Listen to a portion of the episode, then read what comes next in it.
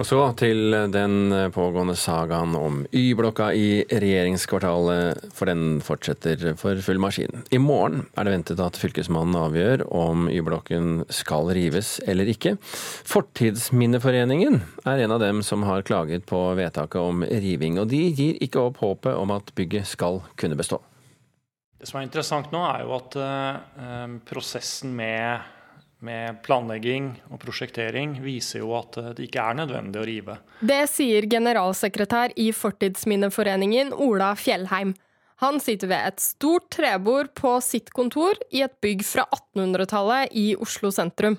Bygget det er fredet, men nå for tiden er det Y-blokka i regjeringskvartalet, bare et steinkast unna, han er opptatt av. Han mener det ikke er nødvendig å rive bygningen. Fordi eh, de driver nå og flytter rundt på, på volumer i kvartalet. Og eh, diskuterer om det er noen hus de kan droppe, eller andre løsninger de kan gjøre.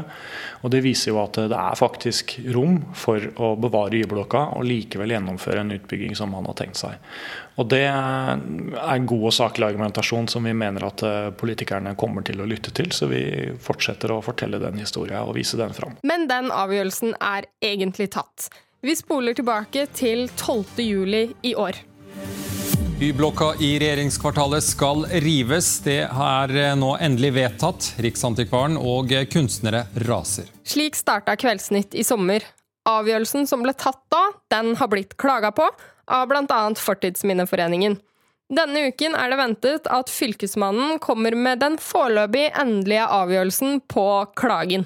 Generalsekretær Fjellheim han mener at det ikke er blitt gjort ordentlige utredninger for om det er mulig å bevare Y-blokka. Og Det er det som er vårt hovedankepunkt til saken. At man bare har bestemt seg uten å ha nødvendig faktainformasjon. Og det at man har bestemt seg, har på en måte overstyrt prosessen senere og bare lukka muligheten for å se på andre alternativer. Debatten om bevaring den raste også i sommer. Og da svarte kommunal- og moderniseringsminister Monica Mæland på hvorfor de ønsket å rive bygget, til tross for kritikk fra bl.a. Riksantikvaren. Det er jo fordi vi skal bygge et nytt uh, regjeringskvartal, dessverre som følge av terroren i 2011. Da må vi bygge et regjeringskvartal for fremtiden. Det må være trygt, det må være åpent, og det må være fleksibelt og effektivt. Statsråd Mæland hadde ikke mulighet til å stille til radiointervju i denne saken. I en e-post til NRK skriver hun at beslutningen om å rive Y-blokka, den ligger fast.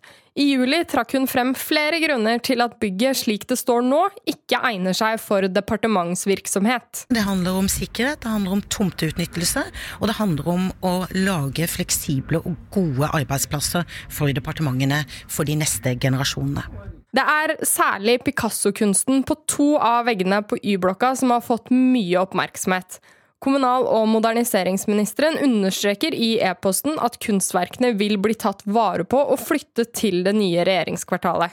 Alternativet hadde ifølge henne vært å ikke integrere kunsten i det nye regjeringskvartalet, og hun har ikke oppfattet det som noe ønske fra de som har engasjert seg i denne saken.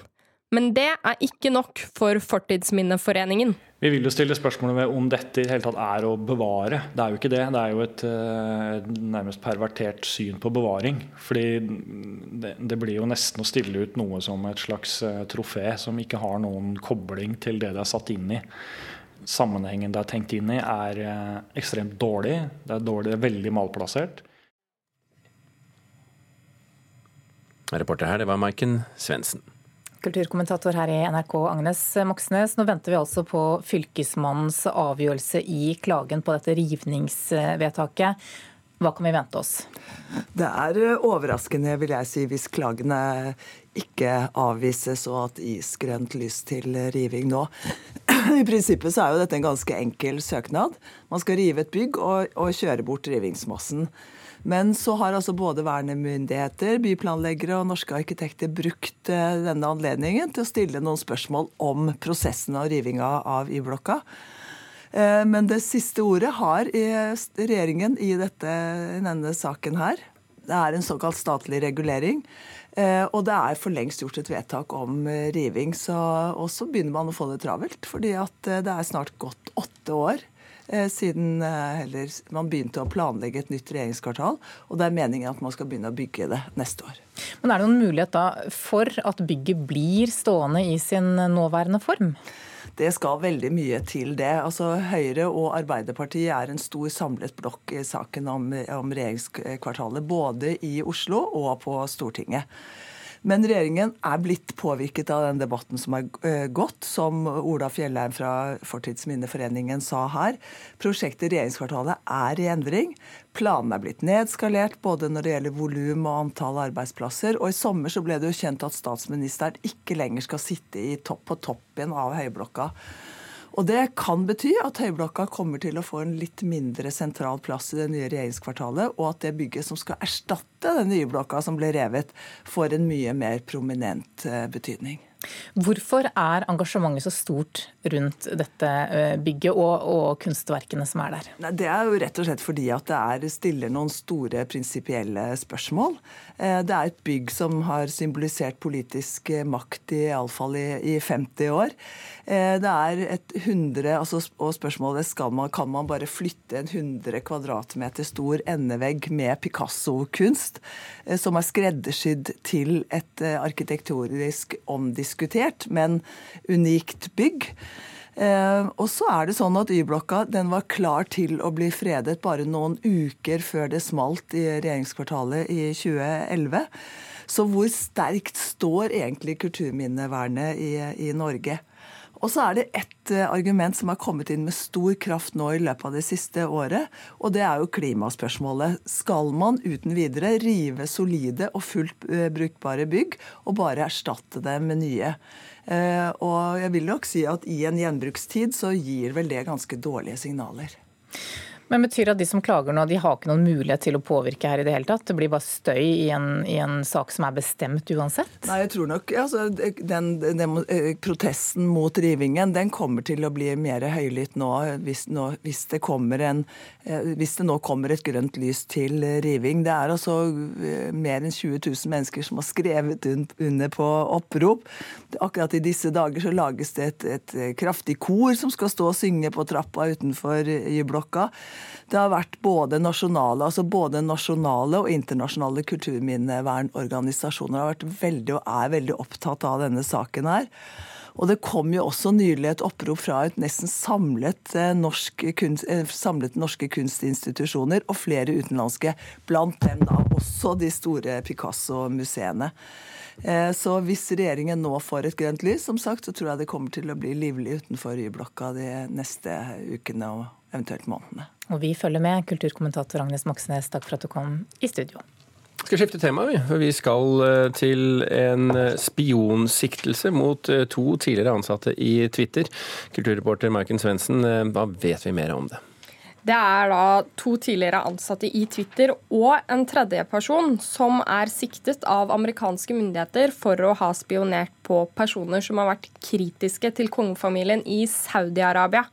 De tre de skal ha samarbeida om å kartlegge personopplysninger fra Twitter-kontoer som tilhørte opposisjonelle og det skal de ha gjort på oppdrag fra regjeringen i Riyadh og kongefamilien i Saudi-Arabia, ifølge det amerikanske justisdepartementet. Hvordan har de klart å gjøre dette? Eh, den amerikanske statsadvokaten David Anderson har sagt at den foreløpige siktelsen den går ut på at de saudiarabiske agentene skal ha hentet ut eh, personlig informasjon om kjente saudiarabiske kritikere og tusenvis av andre Twitter-brukere fra Twitters interne systemer. Og det kan handle om e-postadresser, betalingsmuligheter og IP-adresser. Men vet vi noe om hvem de har hatt kontakt med, og eventuelt levert informasjonen til? Eh, de skal ha hatt kontakt med en saudiarabisk tjenestemann som jobbet på oppdrag fra det som i rettsdokumentet omtales som kongefamiliemedlem 1. Eh, ifølge Washington Post så skal dette være kronprinsen i Saudi-Arabia, Mohammed bin Salman. Ok, kulturreporter Maiken eh, Svendsen, takk skal du ha. Eh, og så kan jeg bare minne deg om at du kan finne mer om denne saken på våre nettsider nrk.no. Og hvis du nå først en gang er inne på nrk.no, så kan du se på denne videoen som viser hvordan en hodeskalle av en vikingkvinne blir rekonstruert til å vise hvordan hun kan ha sett ut. Og ifølge kilder så endrer det historien om vikingkvinnene. Det er spennende. Nå skal det handle om opera, eller nærmere bestemt musikal, her i Nyhetsmorgen. Attend the tale of Sweeney Todd.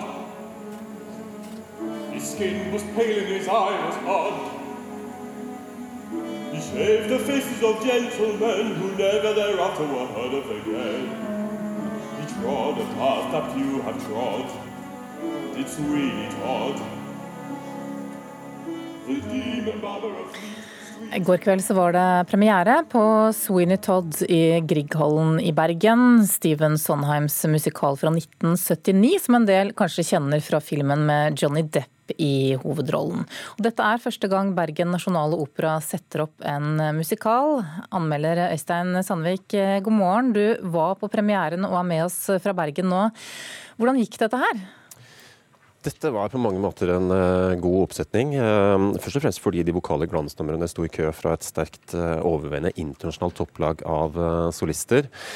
som teaterforestilling så tok det aldri helt av. Altså Riktignok så gjør Bergen Nasjonale Opera dette som en scenisk konsert, som de kaller det. Det vil si altså noe liksom halvveis mellom en fullscenisk musikal og en mer sånn stillesittende konsertversjon. Men det burde være mulig å få til mer kreativt teater innenfor disse rammene. Det ble litt tamt, rett og slett. Ok, Vi kommer tilbake til det, men du må si litt først om selve musikalen Sweeney Todd. Hva slags eh, stykke er det? Altså, det er jo definitivt en musikal som skiller seg ut, både fordi at musikken er avansert og veldig god. Uh, så er det en av de få musikalene som også har blitt en del av operarepertoaret. Så det er ikke så spesielt at, uh, at Bergen Nasjonale Opera setter det opp. I tillegg så er det jo da selve historien om denne barbereren Sweeney Todd som eh, hevner 15 års urettmessig straffedom ved å kverne opp eh, kundene sine og selge dem i paiform, i samarbeid da med den eh, litt sånn moralsk lemfeldige paibakeren Mrs. Lovett. Og så er det også en kjærlighetshistorie her, så er, den har mange elementer for en god teaterforestilling. Ja, Hva er det regissøren gjør med dette plottet? Ja, som sagt så er dette altså en scenisk konsert. Også de spiller det på en liten scene med enkle rekvisitter foran orkesteret som er på scenen. Så det er ikke en fullscenisk eh, versjon, det er ikke noe særlig scenografi. Men jeg syns ikke regissøren utnytter potensialet. Um, litt for mye konsert og litt lite teater. Mye stillesittende statiske aktører på scenen, sånn at vekten blir da først og fremst på sangprestasjonene.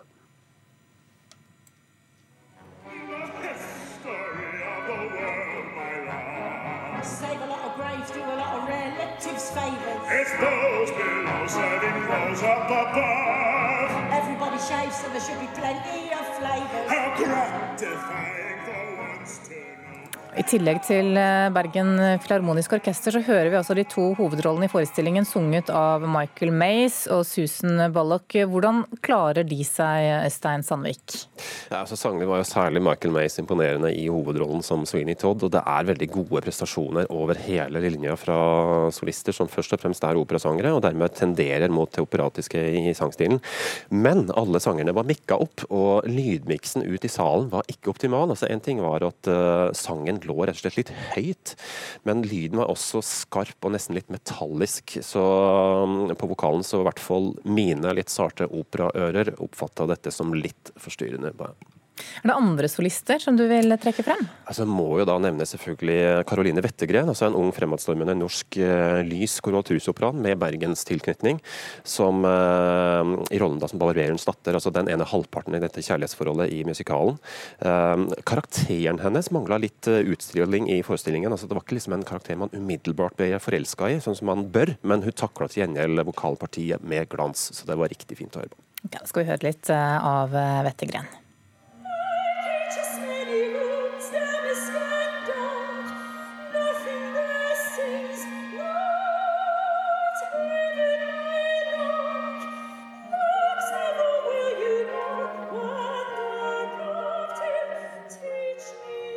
Ja, til slutt her hørte vi sopran Caroline Wettergren i rollen som Johanna i musikalen Sweeney Todd. Opptaket er fra premieren på Bergen Nasjonale Operas oppsetning i Grieghallen i går kveld.